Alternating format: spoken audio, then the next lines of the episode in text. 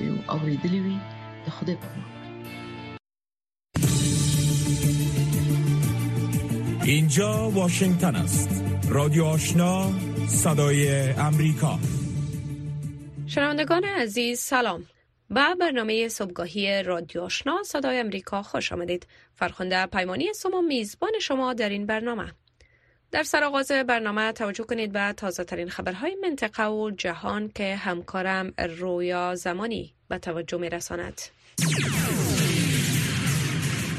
سلام رویا زمانی هستم با تقدیم مشروع خبرهای این ساعت کرندکر شازفیر سفارت ایالات متحده برای افغانستان می‌گوید که تعهد امریکا به افغانها و جامعه مدنی آن قوی است. خانم دکر روز سه شنبه در شبکه اکس از تدبیر کنندگان کنفرانس دوحه در مورد افغانستان ابراز تشکر کرده گفت که مشتاقانه منتظر شنیدن نظر بیشتر افغانها در مورد آینده کشورشان است. اگرچه شازدفیر سفارت ایالات متحده برای افغانستان نگفته که چی وقت و در کجا با افغانها دیدار خواهد کرد اما تصمیم گرفته شده که شورای امنیت سازمان ملل متحد در 28 فبروری در مورد افغانستان یک نشست را دایر می کند اگرچه شازافیر سفارت ایالات متحده برای افغانستان نگفته است که چی وقت و در کجا با افغانها دیدار خواهد کرد اما تصمیم گرفته شده که شورای امنیت سازمان ملل متحد در 28 فبروری در مورد افغانستان یک نشست را دایر کند.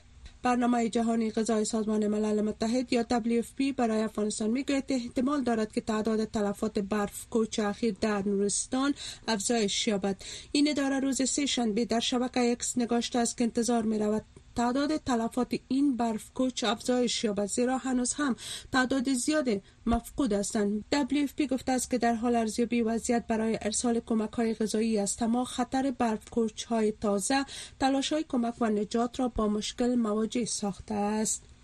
وزارت صحت عامه حکومت طالبان فیصله کرده است که دختران صنف دوازده هم در شماره از ولایت ها در انستیتوت طبی جذب شوند. خبرگزاری باختر که تحت کنترل طالبان است. روز سه شنبه در شبکه اکس نوشته است که وزارت صحت عامه طالبان در این زمینه بر ریاست های صحت عامه کاپیسا، پروان، پنشیر، میدان وردک، لوگر، پکتیکا، خوست، بدخشان، بامیان و پکتیا مکتوب فرستاده و از این ریاست ها خواسته است که روند جذب زنان و دختران فارغ صنف دوازدهم را در انستیتوت های صحی آغاز کنند. تا کنون وزارت صحت عامه حکومت طالبان به گونه رسمی در این زمینه چیزی نگفته است. خبرهای منطقه و جهان را از امواج رادیو آشنا صدای امریکا مشنوین حکومت روسیه روز سه شنبه در یک اقدام سرکوبگرانه شدید بر رسانه ها رادیو اروپای آزاد رادیو آزادی را به عنوان یک سازمان نامطلوب عنوان کرد. اقدام وزارت عدلیه روسیه این رسانه خبری را در زمره 142 سازمان دیگر قرار می دهد که توسط روسیه بران برچسب نامطلوب گذاشته شده است. استفان کاپوس رئیس این رسانه می که این اقدام یگانه و تازه ترین نمونه از این است که چگونه حکومت روسیه گزارش های صادقانه را به عنوان یک تهدید وجودی می بیند سفارت روسیه در واشنگتن دی سی در این مورد به ایمیل صدای آمریکا تا حال پاسخ نداده است. پس از آنکه ایالات متحده پیشنهاد الجزایر را برای آتش بس فوری در غزه ویتو کرد گروه حماس گفت که این اقدام چراغ سبز به اسرائیل است تا کشتار عام را بیشتر انجام دهد. ایالات متحده قطنامه شورای امنیت ملل متحد پیرامون آتش بس فوری در غزه را روز سه شنبه ویتو کرد. حماس این تصمیم ایالات متحده را تقبیح کرده گفت که این اقدام به اسرائیل اجازه می دهد تا کشتار عام بیشتر انجام دهد. اما لیندا تامس گرینفیلد سفیر ایالات متحده در ملل متحد گفت که مسوده قطنامه الجزایر غیر مسئولانه بود. و با اشاره به مذاکرات برای رهایی گروگان ها گفت که ما نمی توانیم از قطنامه حمایت کنیم که مذاکرات حساس را به مخاطره می اندازد. این اقدام ایالات متحده نه تنها سوی چین و روسیه بلکه سوی متحدین این کشور به شمول فرانسه مالتا و سلوانیا به انتقاد گرفته شد.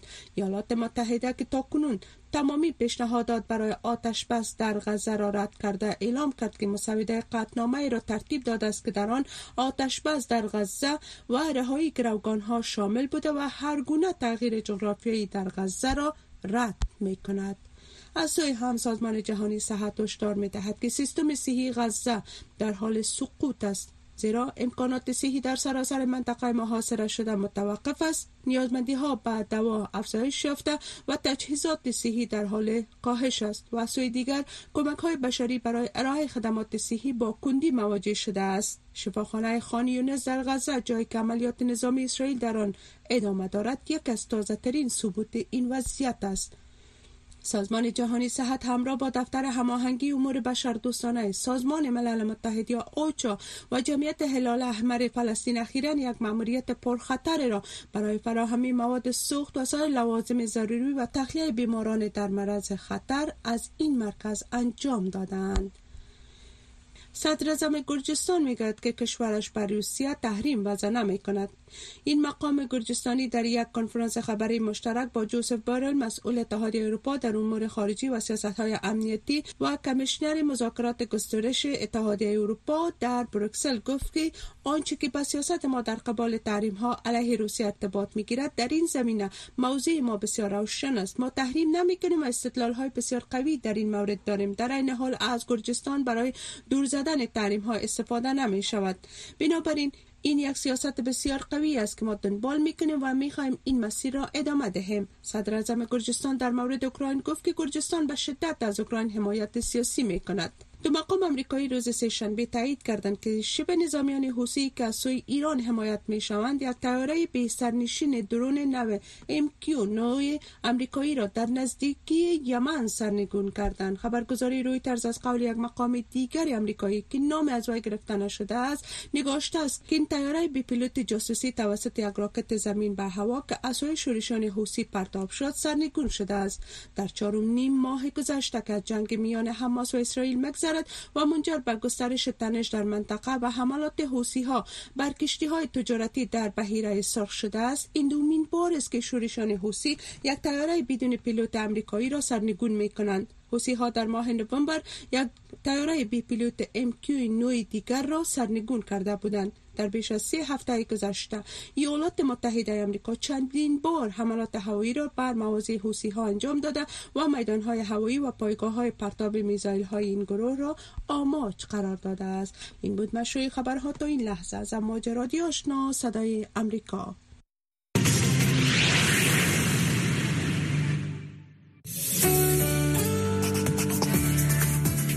شنوندگان گرامی رادیو آشنا صدای امریکا نشرات رادیو آشنا را در موج متوسط 1296 موج کوتاه 11575 اشاری سفر و در موج 972 کیلوهرتز شنیده می توانید. خبرهای منطقه و جهان را از رادیو آشنا صدای امریکا شنیدید. حال توجه کنید به گزارش هایی که در این برنامه برای شما انتخاب کردیم. با بهبود سریع روابط میان ترکیه و امریکا واشنگتن پیشنهاد کرده است که در صورتی که انقره میزایل های S400 خریداری شده را از روسیه به کشور سومی انتقال دهد به انقره اجازه خرید جت نظامی پیشرفته F35 خود را بدهد. اما طبق گزارش دوریان جونز خبرنگار صدای امریکا از استانبول این میزایل ها همچنان نماد قوی از عمیقتر شدن روابط بین ترکیه و روسیه می باشد برگردان دری این گزارش را از من فرخنده پیمانی میشنوید. خرید جیت نظامی پیشرفته F-35 امریکا توسط ترکیه ممکن بار دیگر از سر گرفته شود.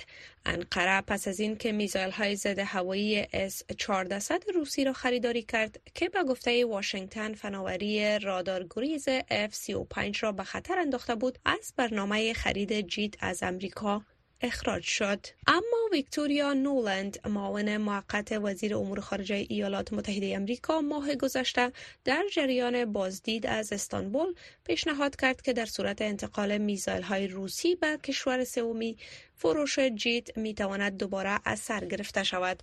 هاکان فیدان وزیر امور خارجه ترکیه اعلام کرد که انقره نیز می تواند آماده توافق باشد. اونور ایشی کارشناس امور روسیه در دانشگاه کادرهاس استانبول است و چنین می‌گوید. پس از خرید میزایل های ضد هوا که به سابقه بود فکر می کنم که برخی افراد کابینه اردوغان نیز اعتراف می کنند که این یک اشتباه بزرگ بوده است. ناظران می‌گویند خرید میزایل های S-400 توسط ترکیه قدرتمندی تعمیق روابط این کشور با روسیه و بدتر شدن روابط با واشنگتن را نشان می دهد. این قرارداد در دوران عدم اعتماد امضا شد زیرا انقره واشنگتن را به دست داشتن در کودتای ناکام سال 2016 متهم کرد و امریکا نیز این اتهام را رد کرد. روابط ترکیه با ایالات متحده ای امریکا با تصویب عضویت سویدن در ناتو و تصویب آن توسط ترکیه و با اجازه دادن به فروش جیت‌های F-16 به ترکیه بهبود یافته است اما F-16 در مقایسه با F-35 که همسایه و رقیب آن کشور یونان قرار است و عنوان بخشی از مدرن ساختن قوای نظامی این کشور آن را خریداری کند در سطح پایینتر قرار دارد. سولی اوزل استاد روابط بین الملل در دانشگاه کادرهاس استانبول است و می‌گوید مبصرین سیاسی طرفدار تفوق طلبی همه میترسند که مبادا موازنه نیروی هوایی بر فراز بهیره اژه بر هم بخورد یا به نفع یونان تمام شود. با این حال تحلیلگران می‌گویند که قبول کردن پیشنهاد واشنگتن برای اثرگیری فروش های F-35 در برابر حذف میزایل های ساخت روسیه و حتی احتمالا برای متحدان ترکیه مانند آذربایجان، قطر یا حتی لیبیا با پیشرفت و بهبود روابطشان با ایالات متحده امریکا بستگی دارد. حسین باخچی رئیس. ترکیه می تواند با آسانی از S 400 بگذرد. این یک تصمیم سیاسی است. یک ضرورت نظامی نیست. یک تصمیم سیاسی و سازش سیاسی است. S 400 تا حالا به ترکیه کمک کرده تا سطح مذاکرات با ناتو و ایالات متحده را افزایش بدهد. خرید میزایل های روسیه توسط انقره به طور گسترده به عنوان یک پیروزی دیپلماتیک برای مسکو محسوب می شد.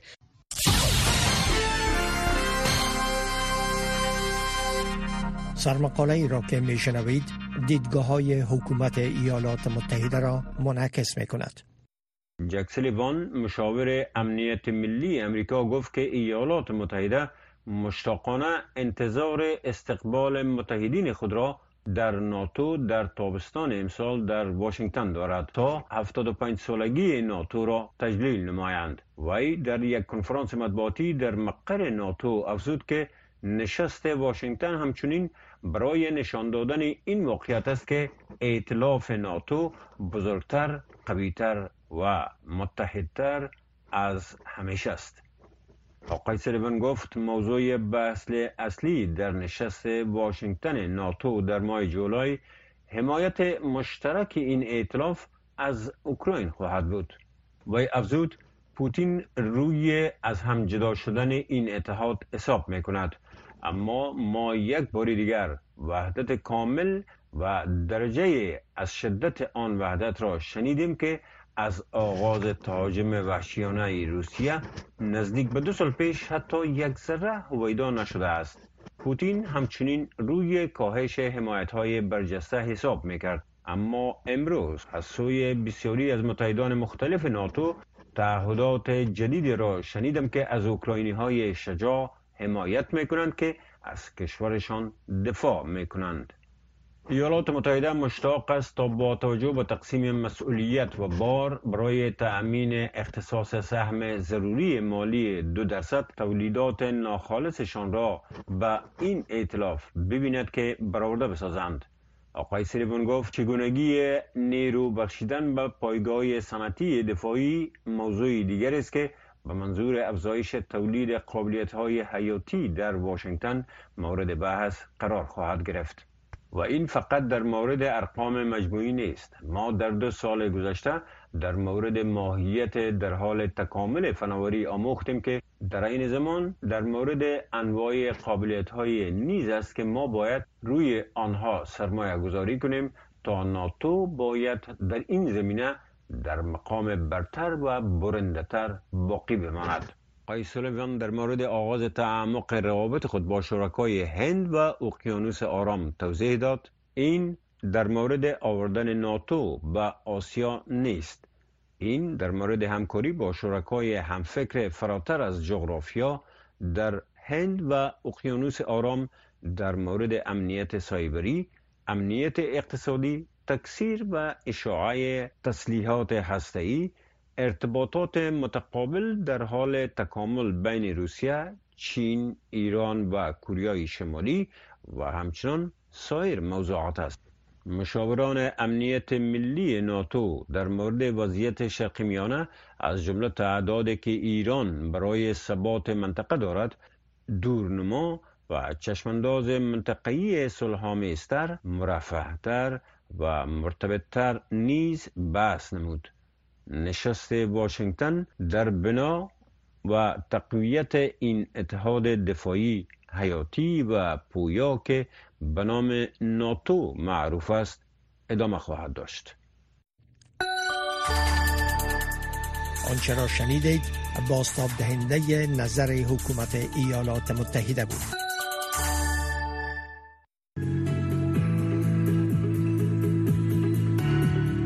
صدا و نظریات شما در مورد مسائل سیاسی، اقتصادی، فرهنگی، اجتماعی و صحی از ساعت ده تا دو شب در برنامه مشترک دری و پشتوی رادیو آشنا صدای امریکا.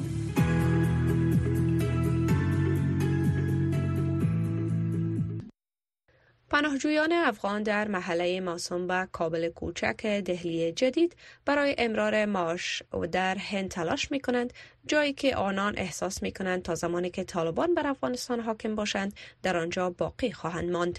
با این حال افزایش پذیرش و روحیه تعامل بین المللی با حکومت طالبان زندگی این پناهجویان را آسانتر نمی کند گزارش را در این مورد از سحر عظیمی میشنوید. پناهجویان ساکن محله کابل کوچک در دهلی جدید اثرات روابط در حال تغییر طالبان با کشورهای همسایه و منطقه را احساس می کنند. تو اواخر سال 2023 سفارت افغانستان در دهلی توسط کارمندان نظام جمهوریت اداره می شد. اما پس از آن که تمام های شاغل در آنجا در کشورهای دیگر درخواست پناهندگی کردند کارمندان طالبان زمام امور را به دست گرفتند. اکنون پناهجویان چاره ندارند جز اینکه با رژیمی که از آنها برای حفظ جانشان فرار کردند برای تمدید پاسپورت مراجعه کنند. خب پاسپورت نباشد. اول خو پلیس چیزت می‌کنه deport ت می‌کنه اگر تو پاسپورت نداری؟ هند تنها کشوری نیست که دیپلمات های طالبان در آنجا پای خود را بر رغم امتناع جامعه بین المللی از برسمیت شناختن رسمی حکومت آنها به دست آوردند. در اواخر جنوری سال روان چین اعتبارنامه فرستاده طالبان در بیجینگ را دریافت کرد و این اولین کشور بزرگی بود که این گروه را به طور ضمنی به رسمیت شناخت. کشورهای منطقه گزینه دیگری به جای عدم تعامل ندارند. همه چیزهایی که هم در بخش تجارت و هم امنیت در افغانستان اتفاق میافتد بر آنان تاثیر می‌گذارد و این امر بسیار حیاتی است که منطقه با طالبان همکاری کند. در خارج از منطقه کشورهای غربی تحریم های را علیه طالبان اعمال کردند و افغانستان همچنان از سیستم بانکی بین المللی محروم شده است. بخشی از آن به دلیل سابقه وحشتناک طالبان در مورد حقوق زنان و حقوق بشر را به طور کلی تر هست.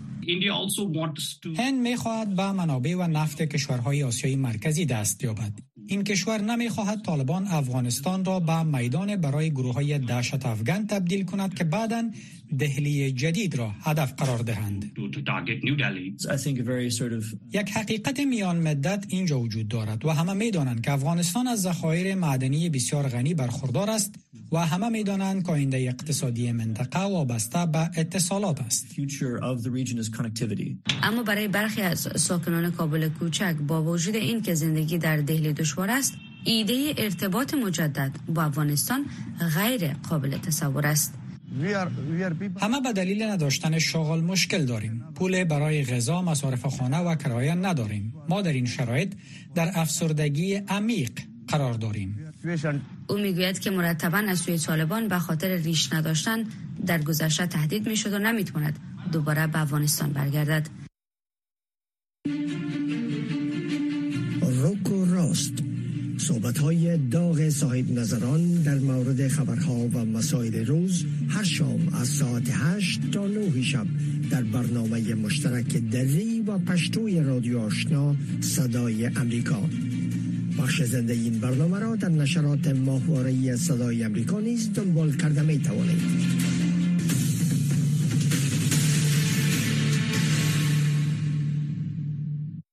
اظهارات تازه انتونیو گوتریش منشی عمومی سازمان ملل متحد درباره گزینش نماینده ویژه این سازمان برای افغانستان واکنش های را به دنبال داشته است محمد احمدی واکنش های مختلف را در مورد نشست دوحه درباره افغانستان در این گزارش گنجانیده است که اینک تقدیمتان می شود. منشی عمومی سازمان ملل متحد دوشنبه در روز پایانی نشست دوحه در مورد افغانستان گفت که در مورد گزینش نماینده جدید ملل متحد در امور افغانستان مشورت ها آغاز می شود تا به گفته وی تعامل میان حکومت طالبان و جامعه بین المللی را هم آهنگ سازد. در واکنش به این اظهارات انتونی گوترش هیدربار مسئول بخش حقوق بشر و حقوق زنان در دیدبان حقوق بشر گفته است که چون این خوشخدمتی کردن به طالبان مدافعان حقوق بشر افغانستان را نسبت به تعهد سازمان ملل متحد جهت حمایت از حقوق بشر در افغانستان مشکوک می سازد. زاکر جلالی یک از مقامات وزارت خارجه طالبان در یک پست شبکه اجتماعی نیز در مورد نشست دوحه چنین واکنش نشان داد. نشست دوحه نشان داد که روابط دو جانبه کشورهای منطقه با امارات یک واقعیت مبتنی بر منافع متقابل است. نظر امارات در مورد تعیین و نقش نماینده ویژه قابل چشم پوشی نیست. حزب جمعیت اسلامی افغانستان که شامل جنای مخالف طالبان است با نشر اعلامیه گفته است که کسی به عنوان نماینده ویژه ملل متحد در افغانستان گماشته شود که از واقعیت های اجتماعی، تاریخی، فرهنگی و ریشه های منازعه افغانستان آگاهی داشته باشد و بتواند در ارزیابی هایش بیطرفی را رعایت کند. این حزب در اعلامیه خود افسوده است تمرکز یک جانبه بالای طالبان و انعطاف غیر واقع بینانه برای تمکین و های این گروه در نشست های احتمالی و قطعی بعدی درباره افغانستان می تواند بر تلاش های داخلی، منطقه‌ای و بین المللی برای حل بحران جاری افغانستان آسیب جدی وارد کند و همچنین موضع سالگریزی و آشتی ناپذیری طالبان را تقویت کند. رحمت الله نبیل رئیس پیشین امنیت ملی افغانستان نیز با نشر سلسله پیام در شبکه اجتماعی اکس گفته است که جامعه بین المللی انتصاب یک نماینده ویژه ملل متحد را برای تسهیل رویکرد بین المللی یک بارچگی برای دستیابی به فراگیری سیاسی در افغانستان پیشنهاد کرده است. بر اساس گزارش ها ایران، چین و روسیه در قبال گزینش نماینده ویژه ملل متحد بر افغانستان مخالفت نشان دادند. وسیلی نونزیا نماینده دائمی روسیه در ملل متحد در کنفرانس مطبوعاتی در نشست دوحه گفت که روسیه از حمایت زنان و کودکان افغانستان دست نمی کشد. ما در هر زمان تاکید می کنیم که مسئله حقوق زنان و دختران در افغانستان یک موضوع مهم است که ما آن را دنبال می کنیم و با سایر همکارانمان در شورای امنیت و جامعه بین المللی در یک مسیر هستیم اما چیزهای دیگری برای افغانستان وجود دارد که باید به آن رسیدگی گردد و باید در آن اشتراک کرد. ما چاره جز تعامل عملی با حکومت برحال در افغانستان نداریم. حکومتی را که ما مثل سایرین به رسمیت نشناخته ایم اما واقعیت افغانستان است و ما باید با کسانی که کنون در افغانستان حاکمیت دارند در تعامل باشیم. شورای امنیت سازمان ملل متحد به تاریخ 8 ماه جدی قطعنامه را در مورد نحوه و افزایش تعامل با افغانستان و رهبران طالبان و تعیین یک نماینده ویژه برای افغانستان تصویب کرد. هفت روز هفته با رادیو آشنا صدای امریکا مکین فرزند سناتور فقید جان مکین که برای یک سال در تمرین های پیلوت های افغانستان کمک کرده است می‌گوید که طالبان قدرت خود را از طریق خشونت محض افز می کنند. او می افزاید که طالبان نه مساوات طلب هستند و نه یک حکومت دموکراتیک و بخش قابل توجهی از درآمد آنان ناشی از قاچاق مواد مخدر است. آقای مکین در مصاحبه با نجیب خلیل در پاسخ به این که با در نظر داشت کرده طالبان آینده افغانستان را چگونه می‌بیند؟ چنین گفت. تحت این شرایط آینده وجود ندارد برای افغانستان. زمانی که شما عمدن نیمی از جمعیت خود را تحت سلطه خود درآورید وقت اطمینان حاصل کنید که آنان تحصیلات ندارند. مقاومت شکل خواهد گرفت. ما شاهد مقاومت بودیم زمانی که طالبان در گذشته روی قدرت بودند. عمر حکومت آنان بسیار کوتاه بود. اما این باور که زنان باید به مقام شهروند درجه دو تنزیل داده شوند باور است که به نظر من اصلا افغانی نیست. من فکر می کنم که این یک باور طالبانی است و ربط به فرهنگ افغانستان ندارد. اما طالبان قدرت خود را حفظ کرده و اطمینان حاصل می کنند که تعداد کمی از مردم به رده های قدرت دسترسی داشته باشند. برای دسترسی به رده های قدرت شما به آموزش نیاز دارید. اگر از تحصیل محروم شوید در آن صورت شما به عوض یک اشتراک کننده فعال در حکومت یک رعیت هستید. بنابراین من می بینم که اگر طالبان تصمیم بگیرد که سیاست حفظ زنان را به عنوان تابعان و شهروندان درجه دوم و محرومیت از تحصیل آنان ادامه دهند عمر حکومتداری خود را کوتاه می سازند این نه تنها کار اشتباهی است بلکه باعث ایجاد مقاومت خواهد شد. آقای مکین قسمی که می‌دانین جامعه جهانی طالبان تحت فشار قرار داده و از اونا خواسته تا یک حکومت همه شمول تشکیل بتن مکاتب برای دخترها باز کنند و به حقوق زنان و حقوق بشر در مجموع احترام بگذارند. طالبان میگن که حکومتشان همه شمول است. حقوق زنان به اساس شریعت برشان داده شده و اونا همچنان میگن که کشورهای دیگر نباید با آنها دستور حکومت داری رو بتن. در این مورد چی میگن و ایالات متحده و جامعه جهانی چی کارهای دیگه می‌تونه انجام دهند تجویز ختماشی برای سیاستمداران خود در ایالات متحده برای من دشوار است. به نظر من ادعای که حکومت طالبان همه شمول است یک چیز فراتر از مسخره است. در حکومت طالبان چند زن بر عریکه قدرت است؟ آن عدد صفر است. زنان در چه سالهای و چگونه می توانند تحصیل کنند؟ چند ساله باشند. در چه شرایطی؟ آیا شرایطی است که با شدت توسط طالبان کنترل می شود آیا چیزی است که طالبان می خواهند آنها یاد بگیرند؟ و در مورد دخالت در امور بین المللی به نظر می رسد که طالبان مشکل ندارد که چین را برای مداخله در امور بین المللی خود آورده اند و همچنان به نظر می رسد مشکل برای حمله به حکومت در پاکستان از مرز جنوبی افغانستان و مرز شمالی پاکستان ندارند. بنابراین به نظر می رسد که گفتار آنها یک چیز است و کردارشان کاملا چیزی دیگر. توصیه من به حکومت ایالات متحده این است که طالبان را تحت هیچ شرایط به رسمیت نشناسید. آنها نه یک حکومت مساوات طلب هستند و نه یک حکومت دموکراتیک و بخش قابل توجیه از درآمد آنها ناشی از قاچاق مواد مخدر است. آنها قدرت خود را از طریق خشونت محض حفظ می کنند بنابراین هیچ یک از اینها کسانی نیستند که ایالات متحده به اساس چنین عملکردشان حکومتشان را در هیچ کشوری دیگر بپذیرد. من پیش بینی نمی کنم که طالبان تغییر کنند. طالبان بیشتر از روش های قبلی خود به شدت عمل می کنند و بیشتر و بیشتر سرکوب کننده شده اند. بنابراین طالبان را به رسمیت نشناسید. به تحریم ادامه دهید. و حداقل حمایت لفظی از سازمان هایی کنید که در برابر طالبان مقاومت یا مخالفت می کنند چه در افغانستان باشند و چه در خارج. آقای مکین شما به مقاومت علیه طالبان اشاره کردین. پس از تسلط طالبا برخی از اعضای کانگرس خواستار حمایت از مقاومت به خصوص جبهه مقاومت ملی به رهبری احمد مسعود بودند. آیا اونا هنوز به او باور هستند یا موضعشان تغییر کرده؟ فکر می کنم که اهداف جبهه مقاومت ملی برای افغانستان درست است.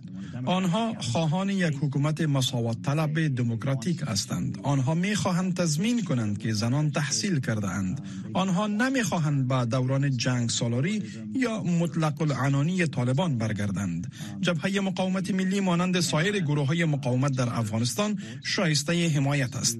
به نظر من حکومت طالبان ارگس نباید توسط ایالات متحده و سازمان ملل متحد به رسمیت شناخته شود.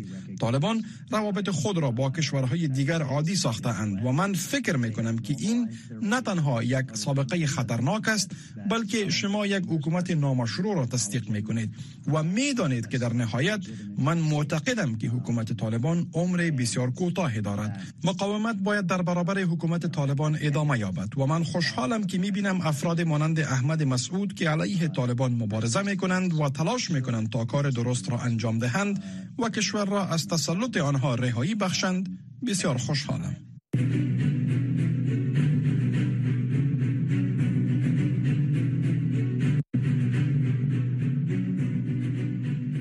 این بود داشته های نخستین برنامه صبحگاهی دری. تا چند لحظه دیگر نشرات پشتو صدای امریکا روی همین موج آغاز می شود شنونده رادیو آشنا باشید.